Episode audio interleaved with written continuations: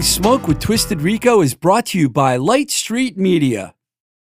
This podcast is supported by Joe's Albums. You know how much I love vinyl and go in the record stores. Well, my favorite stop these days is Joe's Albums. Joe has two fantastic locations the original store at 317 Main Street in Worcester, Massachusetts, and their newer stop out in the hipster college town of Northampton at 5 Market Street. Both stores have a great new releases section and a huge assortment of used records. You want to check out some cool record stores? Check out Joe's Albums in Worcester and Northampton, Massachusetts. And if you really want to geek out, go to joesalbums.com. We're also supported by Baby Loves Tacos, the fantastic Mexican style cuisine joint located at 4508 Liberty Avenue in the Bloomfield section of Pittsburgh, Pennsylvania. Check out the Baby Loves Tacos website at babylovestacospgh.com. Baby Loves Tacos, where everybody eats.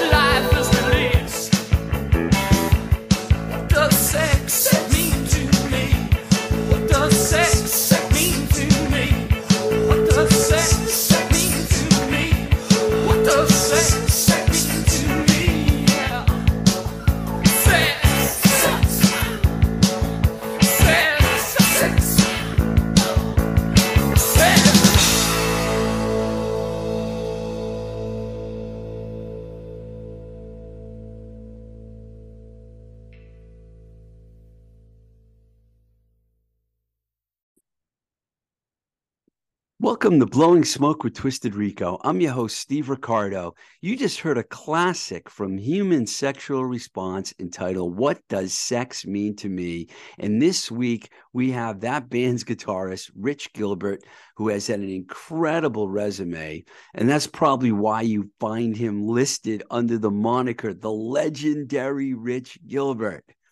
We cover a lot in our talk, starting with the human sexual response, who, along with what Does Sex Mean to Me also had a cult classic hit in Jackie Onassis. Uh, Rich was also a member of, a, the, of the very sensational Boston group, the Zulus, who also made quite a name for themselves in the Boston music scene back in the 80s. From that point on, he went on to be in many bands and on many records. The list is absolutely incredible. I don't think I'll be able to name them all, but I'm going to try. Concussion Ensemble, Frank Black and the Catholics, the Coronet Premiers, the Blackstone Valley Sinners, the Silver Threads, the Country Bumpkins, the United States. He's also played on seven Eileen Rose albums and done a lot of touring with Eileen Rose. He's played on four Tanya Donelly records. He's played with Steve Wynn, and he's also played on records with Uncle Tupelo, the Lemonheads, Juliana Hatfield, the incredible Wanda Jackson, and we get into that experience a little bit as he was part of a band put together by Jack White. And of course, there his, there's his solo stuff, which is also incredible. We had a great talk, and we're going to play it for you right now. So buckle up and check it out. This is our talk with the one and the only, the legendary Rich Gilbert. Mr. Rich Gilbert. How are you? I'm good. How are you? Good. You know, I saw you. I just want to mention a couple of things before we start. I saw you with Eileen Rose at the uh, Town and City Festival oh. l- last April. You guys were playing with a stand-up bass player. I'm sorry, I don't remember. I don't know his name, but you guys were Cassidy, Cassidy Holden. Yeah, you guys were fantastic. Thank you. You know, I just want to give the props to Cassidy because we literally had just met Cassidy a week before, maybe.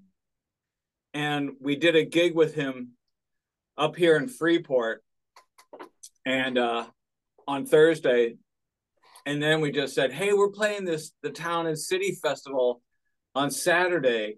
Um, we were just going to do it as a duo, but if you want to come and play the show with us, that'd be great. And he said, sure, I'd love to do it. So not only did he do it, um, we also probably played at least half the set with songs that he had never heard before.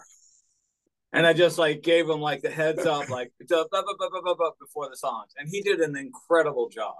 Yeah, it was really good, man. I was, uh, I, you know, I saw that you were playing, and I, there were a bunch of good bands on that bill. You guys played in the little corner there near yeah. the stairway. It was really oh, good.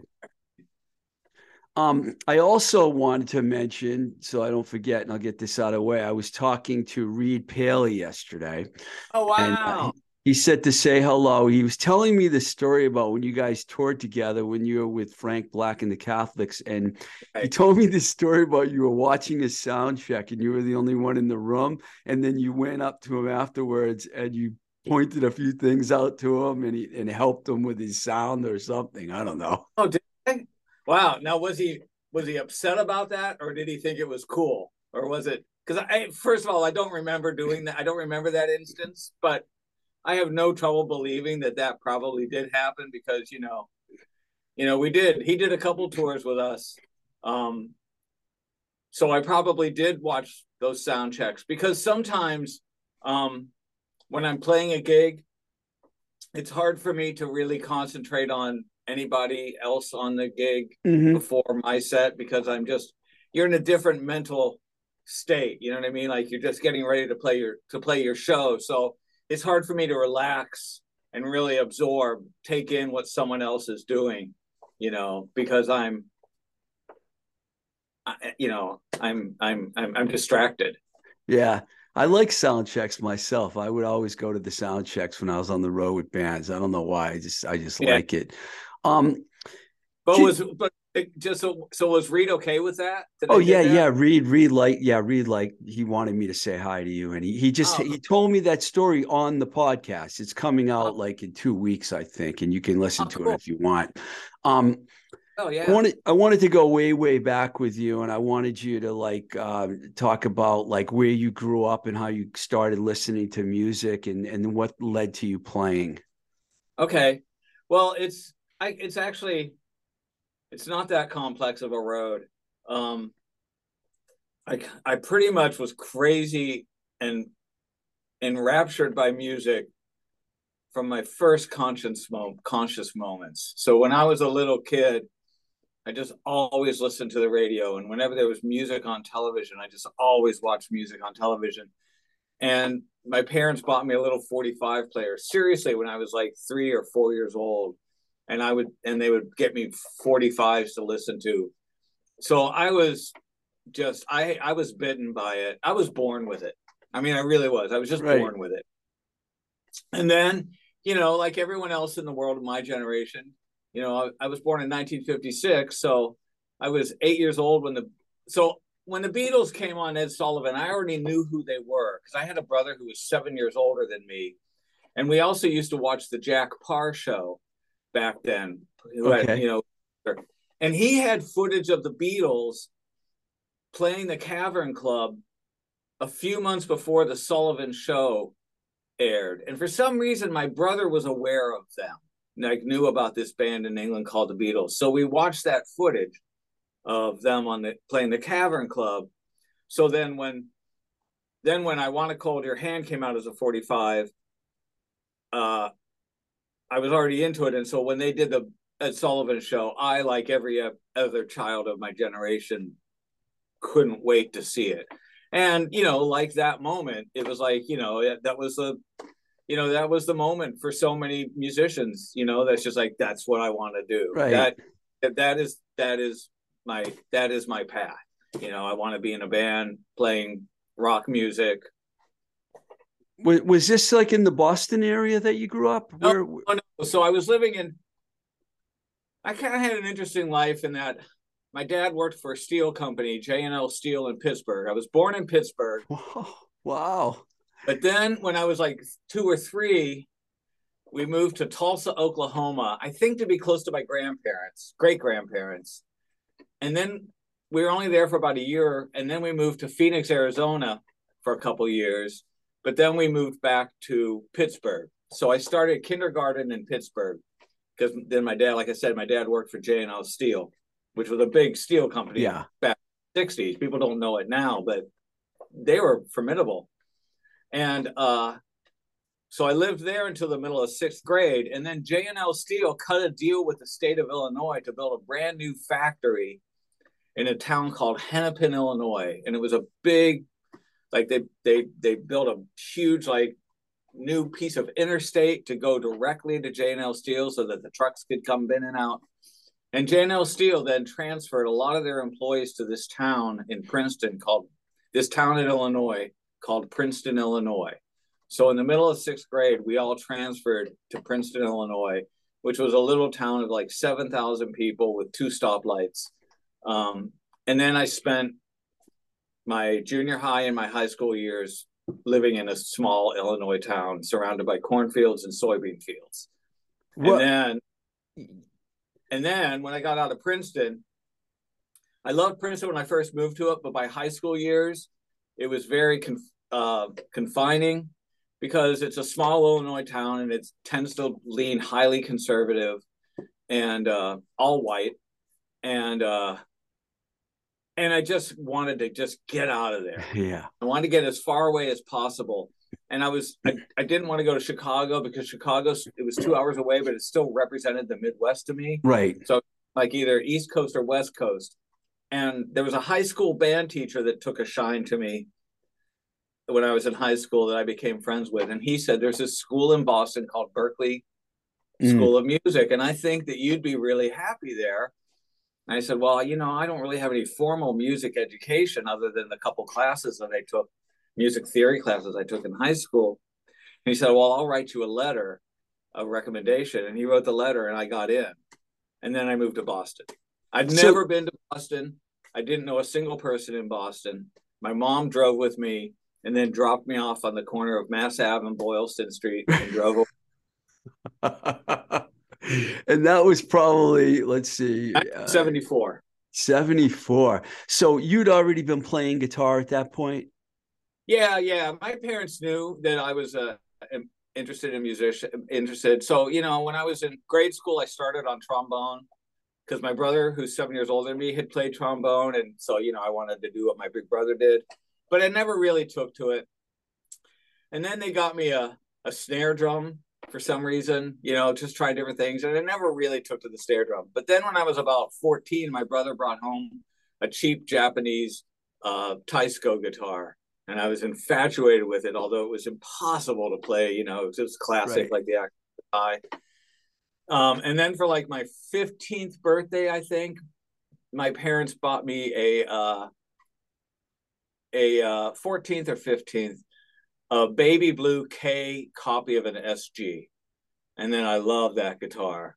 And then a couple years later, I found someone selling a real SG, you know, in the area, and so I bought that guitar. So I started playing guitar probably around 14 or 15.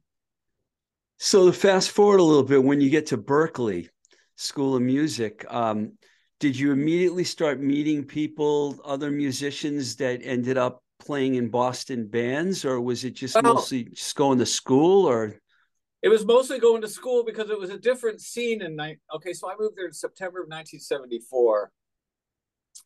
And you know, there was still like, you know, live music in Boston, but the club scene was not what you and I think of yet, you know. Um so there was very few places to play original music.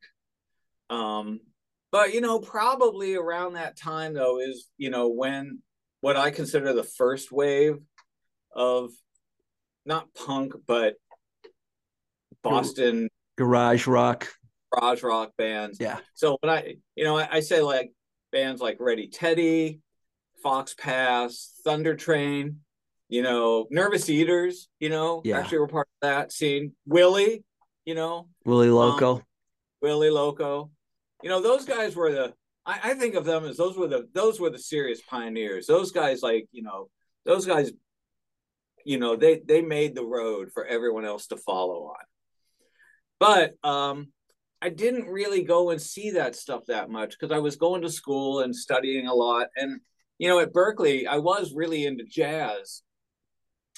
Um, so I was going out to see a lot of jazz because uh, the drinking age was 18 when I moved to Boston. Mhm. So I could go to see anything.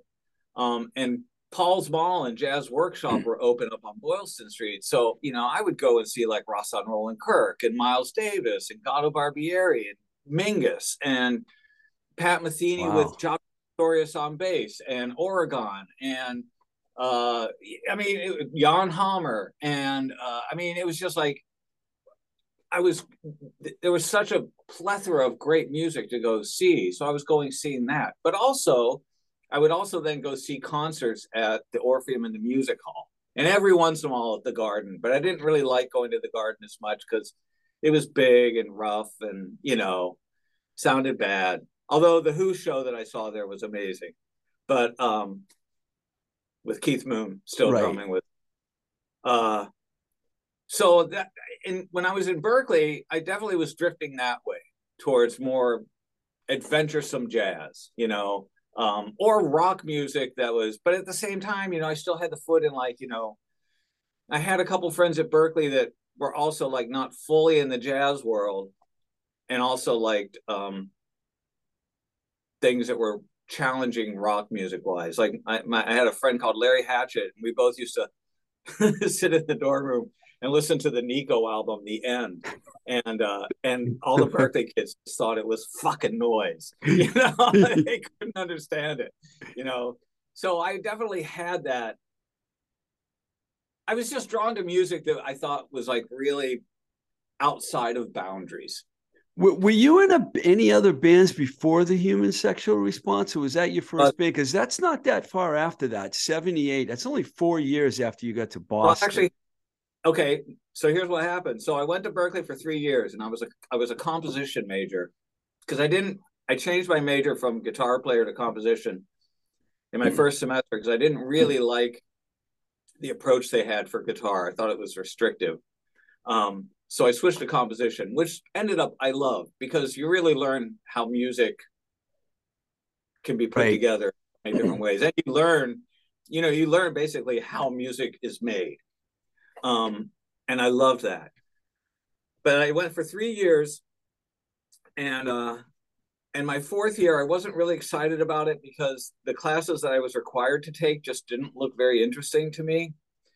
And you know, it's that whole thing too. It's like, you know, you've been going to school for how many years now in a row, and you're just sick of another year of school. And I was looking at the Berklee Alumni Board. They had a board there in the main building of all the famous alumni and the years that they had gone there or the semesters that they had gone there.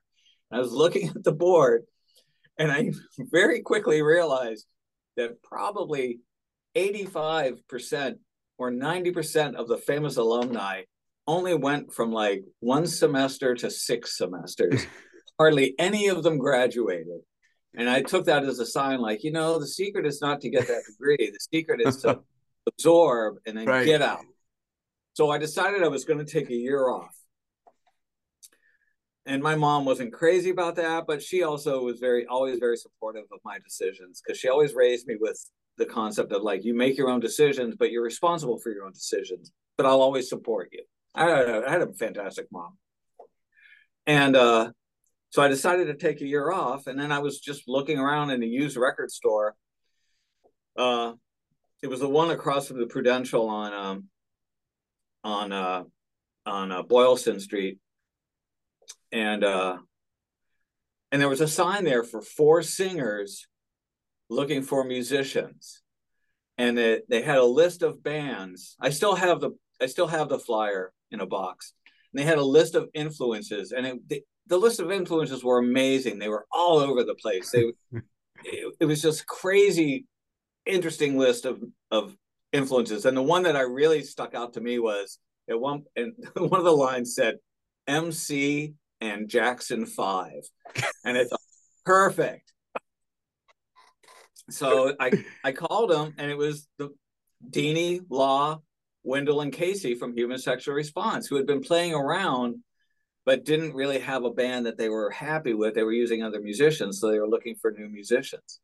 So I met them, and we just uh, we just clicked right away, and I just became part of the band. And they already had a bass player, our original bass player Rolf, but we needed a drummer. And then Malcolm came along very soon after because he lived up the street from some of them. But so that's the long story of how I became a human. Uh, the short story is yes, I'm incredibly lucky in that that was my first band. So I learned how to play in a band while I was playing in the humans. Did the band really get a lot of attention really quickly? Because it seemed like a lot happened in a short period of time. Yeah. We played a party. Our our first show was a backyard party on Dell Ave in Mission Hill where some of them were living. And it went over we played like six songs or something and it just went over great and we just knew we had something. And then so back then, so at this point now you really didn't have a lot of places to play in Boston. You had the club in Central Square, you had the Rat in in Kenmore, but the Rat was tough to get into, and uh, and you had Cantone's down in the financial district. Right. So we got into Cantone's, and uh, just immediately, the audience there embraced us and loved us, and uh, and we very quickly started headlining the weekends at Cantone's. You know, we did some shows at the club. Um, and yeah, and yeah, and it just kind of just blew up really fast. Like we kind of like it, it just went like that, you know. Um we were Did you- fortunate. Did you go on tour a lot? We did once the records came out. Once we, you know, put out Figure 14. Right. Well, I, I don't want to say a lot. We probably toured the states like three times doing a drive around. But then we found that, you know, back then there still was there was college radio, of course, and you depended on college radio, but it uh you could do well in certain areas of the country, and then other areas of the country, it just you, you still hadn't made an impact. So um, we did great in Atlanta.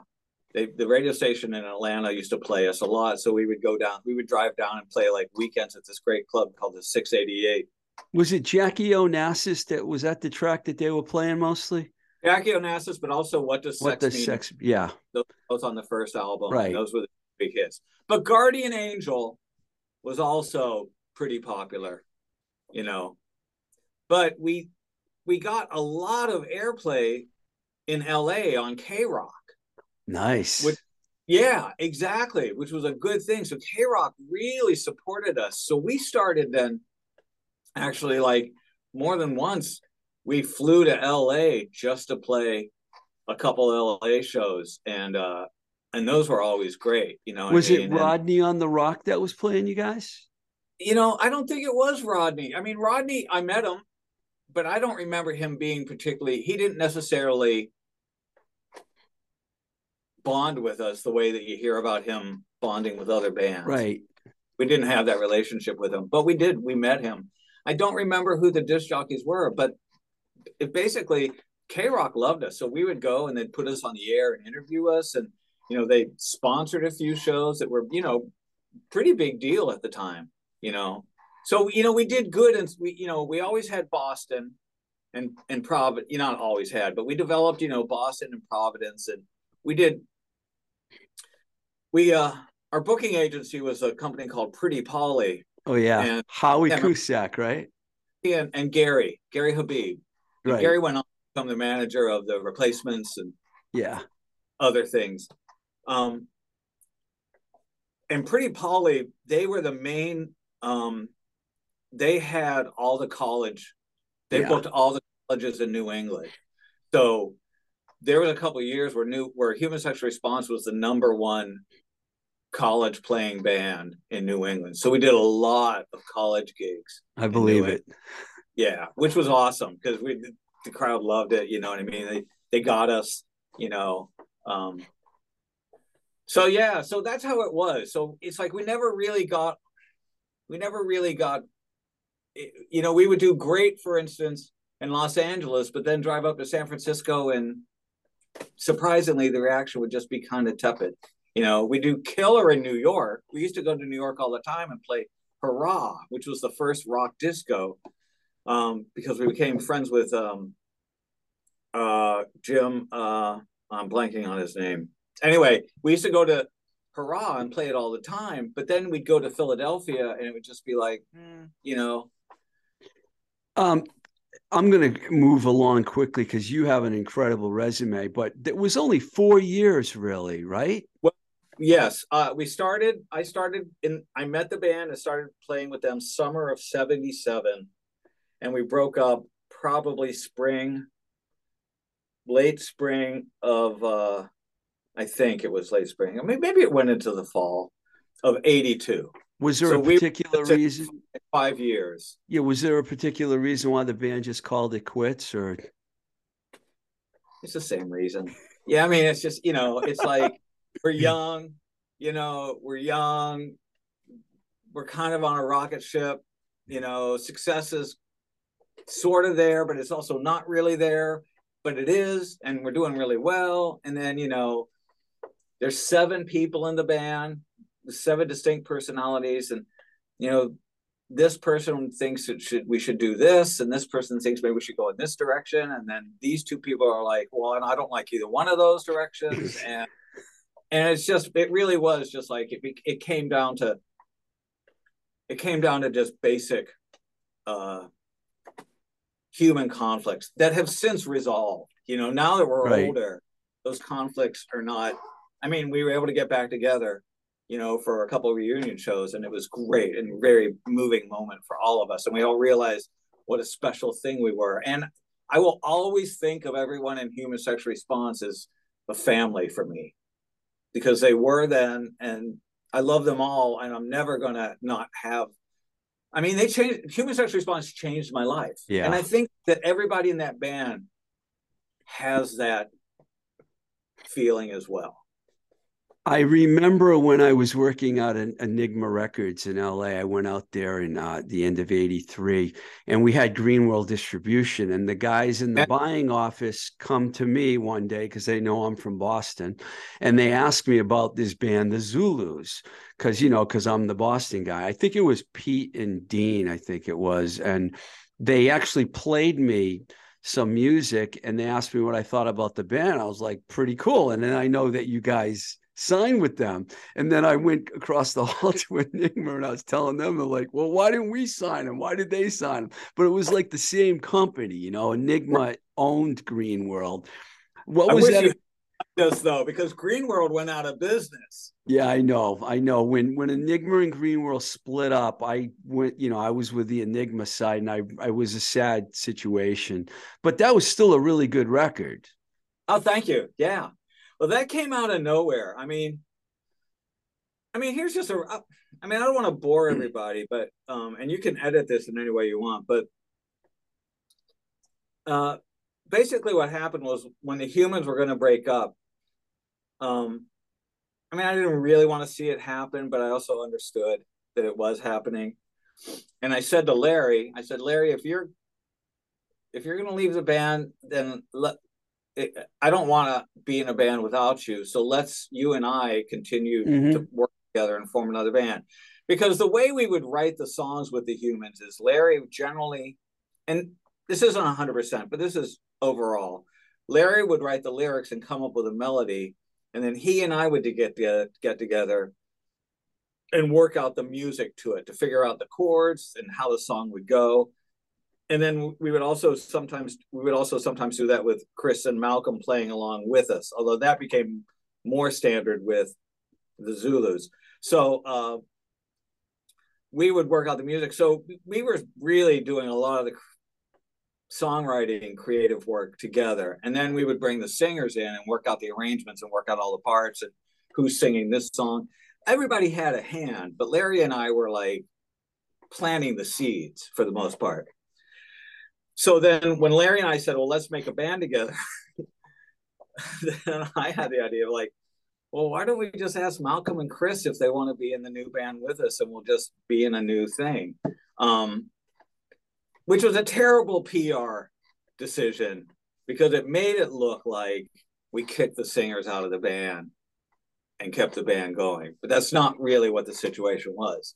So then so we started off as Wild Kingdom, Yeah, I remember that. You get sued, right? sued by Mutual of Omaha, so we had to change. But basically, what happened is once Wild Kingdom started playing, we had to we changed the sound of the band anyway because we it was just more now like a, a power trio with a singer. So uh, the band got more aggressive and hard rocking in its approach, which I think it was kind of going in that direction anyway. So overnight, I mean, within months, anybody that most people that love the humans hated Wild Kingdom.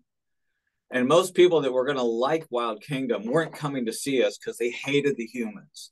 So we went from like this, you know, high level Boston band to not being able to get a gig anywhere. You know, I mean, it it was dire. I mean, it was it was it was extreme. Like you know, we'd play the Rat and nobody came, and of a sudden, like the Rat's not booking us, and uh, and thank God, Rick Page at Johnny D's in Allston and Chet at Chet's Last Call took a shine to us, and they would still book us, even though a handful of people would sh- come to see us. But you know, we knew what we were doing it was good, so we still went into the recording studio at Radio Beat, and we were. Oh, so then what happened was, sorry, Chris, the bass player, decided he's getting out of music. He's going to go and get his law degree and st- become a lawyer. So we had to get um, a new bass player. So we went into the studio, Radio Beat, and recorded all of our songs live to eight track, just so we'd have them for whoever Mhm. was going to be the musician. And then we took one of those songs, Can't Wait to Tell You the News, and just overdubbed a guitar part, maybe added a little tambourine or something, and released that to the local radio. And all of a sudden, boom, it's like got a ton of airplay and we sort of became hot again. And that's the tape that somehow made its way out to the Green World people. So the Green World people one day just called us out of the blue and said, We want to put out a record by you. That's cool. Crazy.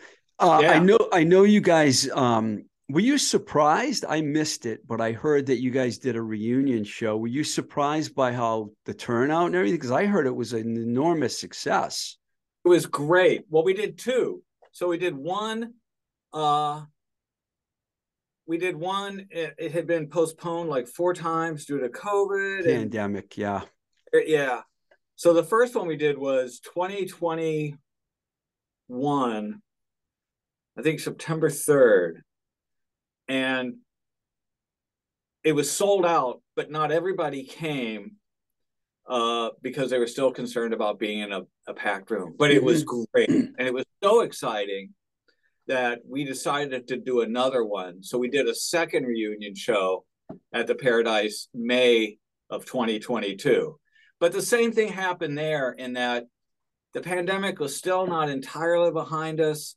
So uh, a lot of people bought tickets, but you know some people still chose not to come because of uh, because of COVID.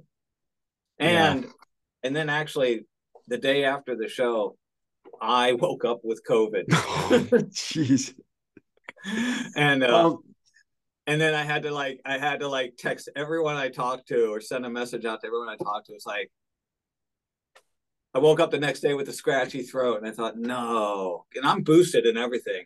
yeah. And the double things came up, so I'm like, ah, I got the COVID, and then I had to tell everybody, and probably 75% of the people I talked to also ended up testing positive. But Yeah. We all got it, man. We all got it.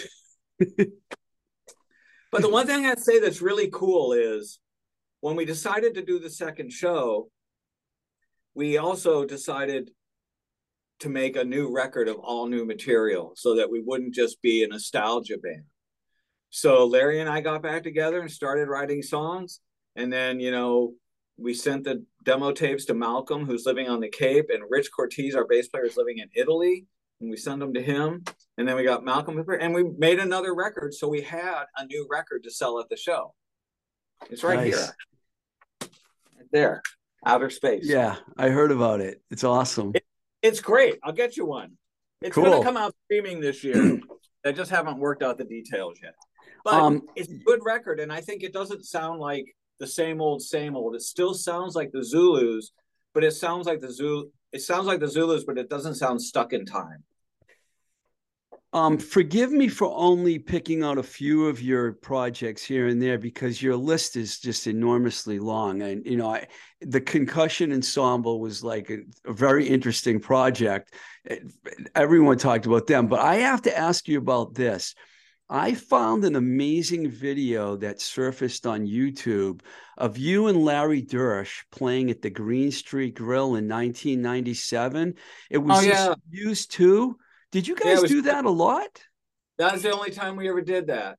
That was just a one-off. It's an incredible video. Did you, did you post that? I mean, where did it come No. from?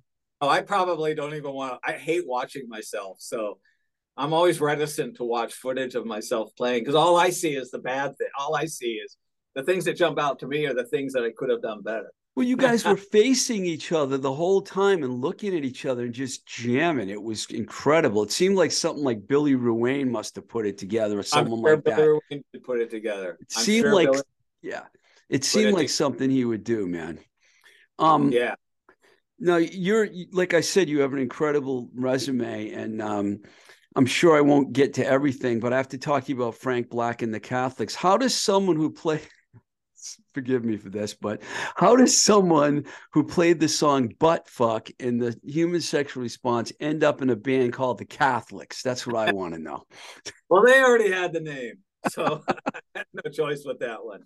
But um, okay, so we know Frank's real name is Charles, right? Yes, yes. So I- I was friends with Charles um, because when the Pixies started, they really liked the Zulus, and so they asked to get on gigs with us opening for the Zulus because they wanted to get like you know when they would call a club and band would say, "Well, who do you want to play with?" They'd say the Zulus. So we, you know, we played with the Pixies, and then of course the Pixies just like zoomed high, but we always stayed friends. The Zulus also did a, a tour opening for the Pixies. Um, Really? when Doolittle came out, when Doolittle came out was the same time our Slash record came out, and I hate the Slash record, so I don't really want to promote it, but um, because we just had problems, it it just didn't didn't really represent the band well. I think we Right. all think. Um, but when our Slash record came out, um, you know, we did a a few weeks of dates opening for the Pixies around the United States. And that was, you know, Charles basically said, yeah, get him on. You know, that was him being a friend. So then, uh, um, just out of the blue, uh, Charles had been living in in in uh, L.A. And, and recording records, and he made uh, the first Frank Black of the Catholics record uh, with the rhythm section for Miracle Legion, Dave and Scott, Yeah. Yeah. and this uh hot shot guitar player, really great guitar player. I'm not I don't mean that in dismissively. Really great guitar player named Lyle Workman um on that record. And but and Lyle had toured with him, but Lyle was doing so much studio work in LA that it was he he could do better as a music, studio musician than going out on tour. So I, he just decided not to tour anymore. So they needed a guitar player, and my name came up, and they just called me out of the blue, out of the blue, and said, uh, "You, we need a guitar player. Do you want to be a Catholic?" and so I flew out for a audition weekend. but on that audition weekend, we recorded like three songs in the studio, you know, and in a, in a different studio, and it was kind of like I was in the band. So then I was in the band. I was a Frank Black and the Catholic. Like for like six records, right? Yeah, like again for like five years. Yeah, Wow. yeah. Now, Um, and I, I just want to throw this in here. People don't know about this. Most people don't know this, but it's what there's a lot of things. I think Frank Black and the Catholics was a great band. Yeah. really been a part of that. Um, but the thing that's one thing that's really cool that I just want to reinforce in people's minds is all of those records, all the Frank Black and the Catholics records, are recorded live to two track tape. So Wow. that means we went in the studio, we learned the songs, we worked out the arrangements, and then it's all cut live. And it's not cut live to multi track tape where you can do punches or add edits or anything like that. It was recorded live to two track, usually quarter inch, the last stage of the mixing stage. So it's being mixed as it's being recorded by whoever's engineering the record. Um, and I just that to me is a astounding thing because most bands just wouldn't even do that anymore. So the, all those performances are as they happened in the studio with no punch-ins and no edits. Incredible. It is incredible. Um, this is a little random because I saw this on your list and I was a little confused because I didn't remember this. Um, there was an association between you and Uncle Tupelo, which fascinated me, and I don't know how it slipped by me. I mean, people call them like the band that started the whole alt country movement, which they kind of were. What what exactly was your role with Uncle Tupelo? Well, what happened is they came to Boston to record their first album. Uh and uh No Depression. Right, Uh big one. yeah, they came to Boston to record that because they were working with Sean Slade and Paul Kolderie. Yeah. Producing it. And of course I knew Sean and Paul because the Zulus did all the recording at Fort Apache. And every once in a while, if somebody else wanted some guitar on something, they'd call me in or something like that. And uh Sean and Paul had suggested that they have pedal steel on a couple songs. And they knew that I had a pedal steel. And in that day, no one had pedal steels. I had, and I had probably only had it for like six months. So I was pretty, pretty new on it. But of course, I'm like, sure, I'll come down and play pedal steel. So I brought my pedal steel down and uh, I ended up playing on the songs Whiskey Bottle and Factory Belt. And then, Wow. yeah, um, and it came out good. And then when they came back to Boston to record their second album, uh, Paul and Sean knew I had to. I also knew I had a, a really cool keyboard instrument called an Optigan, and uh, and they wanted the Optigan sound for one of Jeff's songs. So they called me in again and said, "Can you bring your Optigan down to Fort Apache and play on Uncle Tupelo?" So I came in for the second album and played on one of the songs on that as well. I've always been fascinated by those two guys. I kind of lean towards Son Volt now. You know, Wilco's great, but I like Son Volt better. It must have been fascinating being around those two guys. Yeah, you know, when I was with them, the band was still new. You know, they they weren't stars yet. You know what I mean? Um, especially when I did the first album, they were like just this band from St. Louis. You know, right? Uh, um, but and Michael, the drummer, um, but the three of them were not. I mean, they were fine. You know, they I got along fine with them. You know, um, there's a state. I think it was at TTs of the Middle East. They did a show, and they asked me to bring my pedal steel, and I played pedal steel. I played whiskey bottle with them live at one of those shows. Uh, nice. But yeah, you know, I that so the tension wasn't there, or if the tension was there, I wasn't aware of it. You know, between Jeff and uh, and uh, blanking. But yeah, Jay Jay Far Jay yeah. Farrar. Yeah. Um yeah. there's a lot, you know, I could talk about a lot of these, but I have to ask about Wanda Jackson because, you know, the legendary Wanda Jackson. I mean, did you you just played on one of her records or more than one? I played on her record. I was living in Nashville and Jack White had moved to Nashville, but we hadn't met.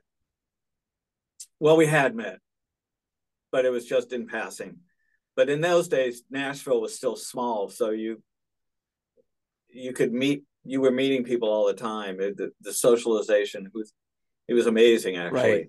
um it was an incredible place to live from like 2004 to 2012 uh but uh they had recorded so jack produced the wanda jackson album the party's not over and they had used the pedal steel player I'm not sure who it was exactly, but it's somebody from my morning jacket.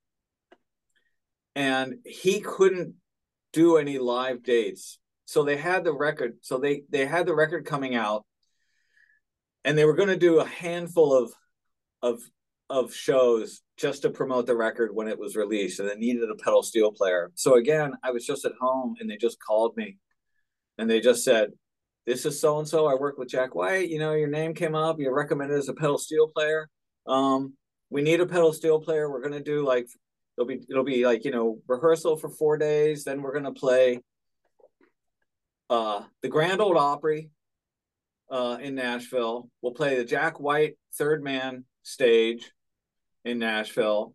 Then we'll go to New York and play uh, not the Bowery Ballroom, but the one in Brooklyn, Brooklyn, the same company, and then go to LA and play two shows in LA. Oh, wow. and by the way, we're also going to play David Letterman and wow. Conan O'Brien show. Do you want to do it? Couldn't say no to that. I say absolutely. Um, so I just learned the songs and I went in and we rehearsed for like literally like maybe four days. But most of the band had already played on the record so they knew the material but it was a big band i mean it was there was me jack dom on bass who's jack's you know right hand man best best friend a keyboard player three horns two background singers uh, a tic tac bass player um you know there's something like 12 people on wow. the stage you know so it was an expensive it had a limited time frame, and I'm guessing Nonesuch Records was funding it. Somebody was funding it because the, just the expense of putting something like that out on the road, I'm assuming it had to be really high. Um, so it was a limited thing. We only did it for like two weeks, but it was uh, it was thrilling, and I got to play the Letterman show, yeah, which really? was I got to play the stage the Beatles were on. You know, so believe me, when I'm when we're taping that thing at five in the afternoon, and I'm just thinking of all of the acts because it's the Ed Sullivan Theater. I'm thinking of all the acts that I watched on the Ed Sullivan show. You know, Animals, Mamas and Papas, Supremes, Miracles, Beatles, probably Dave Clark Five, you know, you name it, Vanilla Fudge. And I'm st- sitting there on that stage. That was that was one of those like I just couldn't believe my luck moments. Like, how did I? That's like, you know, the David Byrne. How did I get here? That's fantastic. Um, you know, I could ask you about the Lemonheads, Juliana Hatfield, Tanya Donnelly, Steve Wynn, and I could go on and on. But I want to talk to you before you go about Eileen Rose because you've done seven records with Yeah. Eileen. You got it's probably the longest act you've actually worked with, right? You yeah, and and we're married. And we're married. and you. then you better not leave the band. no, but I mean, you, Eileen, I remember when she was first starting out, you know, I mean, a, a while back, and, and you guys have made seven records together. Talk about that a little bit. Oh, I know. Well, well, I mean, really, what happened was I was in. Again, it's like phone calls out of the blue. I had met Eileen when she lived in Boston, way back when, when she had a band called Daisy Chain. Yeah, yeah. I remember Daisy Chain, and I guess she really stood out in my mind. And then she moved to London and uh, had a band there called Fledgling, which was a great band. Yeah, really good. And then, uh, but then Fledgling broke up, and then she decided to just become a solo artist. But she got signed by Rough Trade and started to do really well. And I was on tour with Tanya Donnelly in the early 2000s or late 1990s, and I had a f- Friday night off in um, London, and I was looking at Time Out magazine, and there was an article about Eileen Rose. And I was like, I remember Eileen Rose. And it's like, wow, she's doing really well. And she's playing the borderline tonight. So I went to the borderline to see her show, and she was fantastic. But I didn't say anything to her because I didn't know she'd remember me. Fast forward five years, she's moved back to Boston. I'm living in uh, Nashville.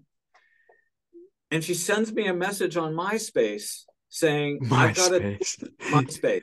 I've got a tour coming in up in April. Um, I need a guitar player for it. I know you probably don't remember me or know who I am, but I've always loved your guitar playing. I've been a fan. Would you be interested in doing the tour? And it was in Europe. And I was like, yeah, I'd love to do it. So she came to Nashville on just with her uh, her nephew Nick playing bass, and they and they played a show in Nashville. They were doing a, a brief tour as a duo, and I sat in on pedal steel for that, and we just hit it off. So we went on that tour, and we just instantly just had this chemistry, this chemist musical and otherwise chemistry, um, and it was just great. And then and then we did that tour, and then we came back, and she went to Boston, and I went back to Nashville, and then we did another tour. And basically we just the chemistry was amazing and we fell seriously profoundly in love with each other. Um and uh beautiful, beautiful. yeah. And then and then she ended up moving to nashville. And then we just ended up you know uh being you know being a couple. And uh and um and then just on a side note, so then we were making Eileen Rose and the Holy Wreck records because we just hit it. We just, I mean, I, I kind of don't even think myself as just, just me now. It's like I really am like it's like I'm a we. It's like I we do everything together. We're inseparable. She is the other. She is she is what you want. My relationship with Eileen is what people want to have in relationships. We're both very lucky. We we can't believe that we found each other. Um, She's upstairs right now writing songs for her new record. We're going to Italy in two weeks to make a new Eileen Rose record using only Italian musicians, plus Chris Wow. McLaughlin, plus Chris McLaughlin from the Zulus and the Humans on bass. Um, but uh, uh, anyway, but so we were living in Nashville and we were going overseas to tour to do Eileen Rose shows, and we had the she had the idea there's a street in Nashville called Lower Broad, which is at the time it's now it's like 49 bars, but at the time it was like a dozen honky tonks, and it was all country music. And I played there a lot with other bands. And she said we should put together our own country band. Um, so when we're not on tour, we just have gigs on Lower Broad, and then you know then we go on tour and we have you know to keep that busy. I was like perfect idea. So we put together this country band called the Silver Threads, And again, it just took off. Like, you know, we just did great on Lower Nashville, and we just played like for the most part classic, old school, 50s, 60s, some 70s country music. And that really did really well. And we loved doing it because we put our own spin on it, of course. So we actually made like five Silver Threads records as well as all the Eileen Rose records. So I didn't yeah, realize you guys had that many records. Wow. there's five Silver Threads records because we would sell shows, you know, because people were still buying CDs, you know, and uh and we just go in every like you know twice a year and just like cut like 12 more songs and put out a, have a new record to sell. So do you guys plan on hitting the road soon? Like it, you Uh, said well, you go. Yes, because in the last year, last August, we went to Italy for three weeks. Right. We have a good friend who's been booking us, and and Eileen's always had a good audience, uh, fan base in Italy. And we did great. The shows went great in Italy. So then we actually came, went back in October for ten days and did a bunch more shows and played this big songwriter festival called Tenco in in San Remo, and that went really well.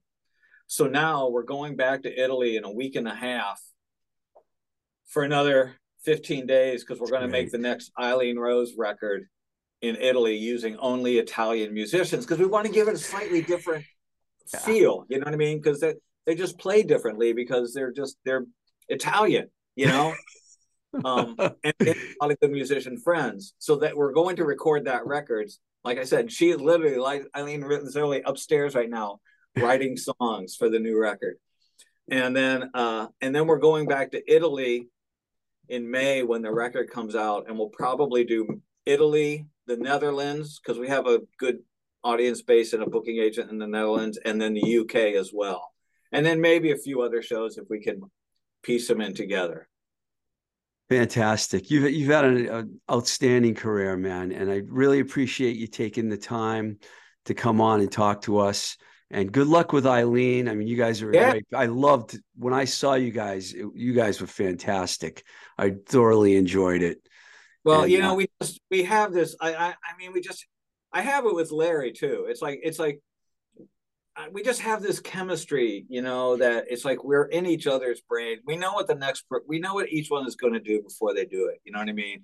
And we know that if if like if something goes if if something if one person if one of us slightly slips off the tracks, the other one's got it. Like we Yeah. we uh it, I, i'm so i can't believe how lucky i am to have this relationship it's fantastic It's legendary.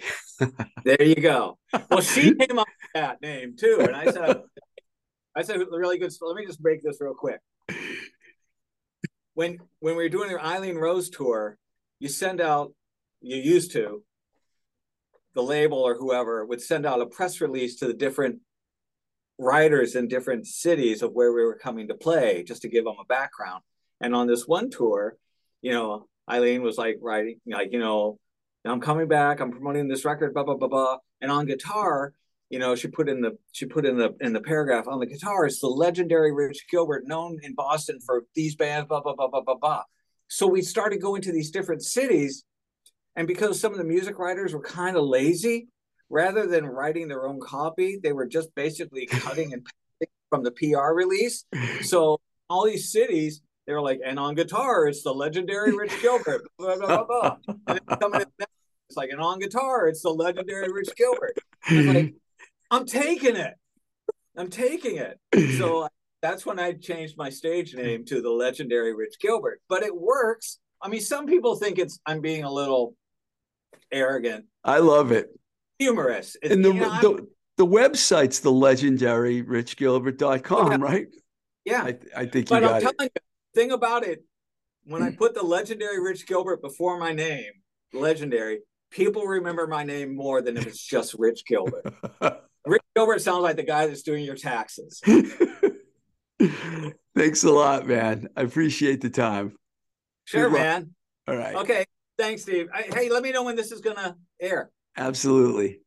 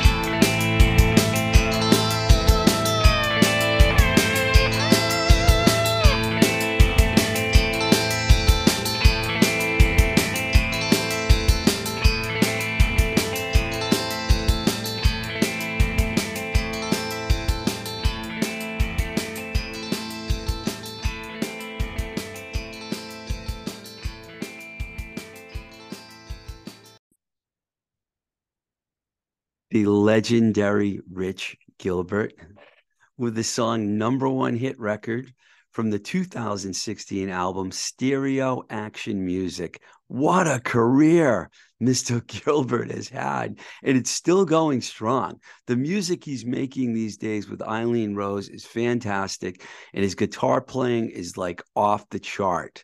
I hope you folks enjoyed this interview as much as I did. And in fact, I think afterwards we mentioned about getting Eileen on the show, and I'm looking forward to that because I know they're going to Europe to record.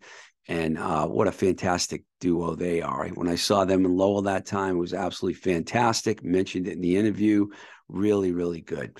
So, as you might know by now, Blowing Smoke with Twisted Rico is a free show supported by you, the listeners. And if you want to contribute to the show, there are two ways that you can do that. We have a Patreon account, patreon.com forward slash Twisted Rico. You can also support us on Anchor on our homepage at anchor.fm forward slash blowing smoke TR.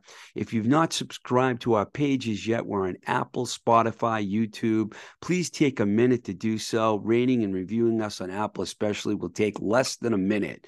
And please check out our social media pages. You can follow me at Twisted Rico on Instagram, on TikTok, and Twitter. And also, we have a at Blowing Smoke with TR page. We're also on Facebook, YouTube, and Twitter.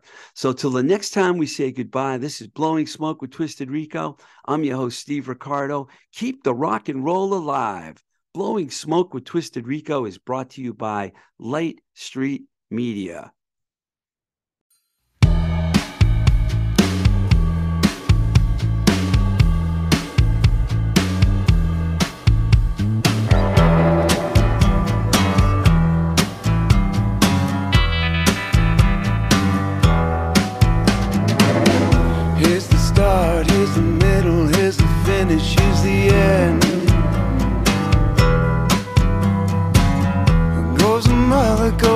Father, goes the wife, stays the friend. Got a bunch of cigarette burns in the back of my head. Bunch of cigarette burns in the words I've said. If I die tonight, all the hand inside and know that I was never meant for no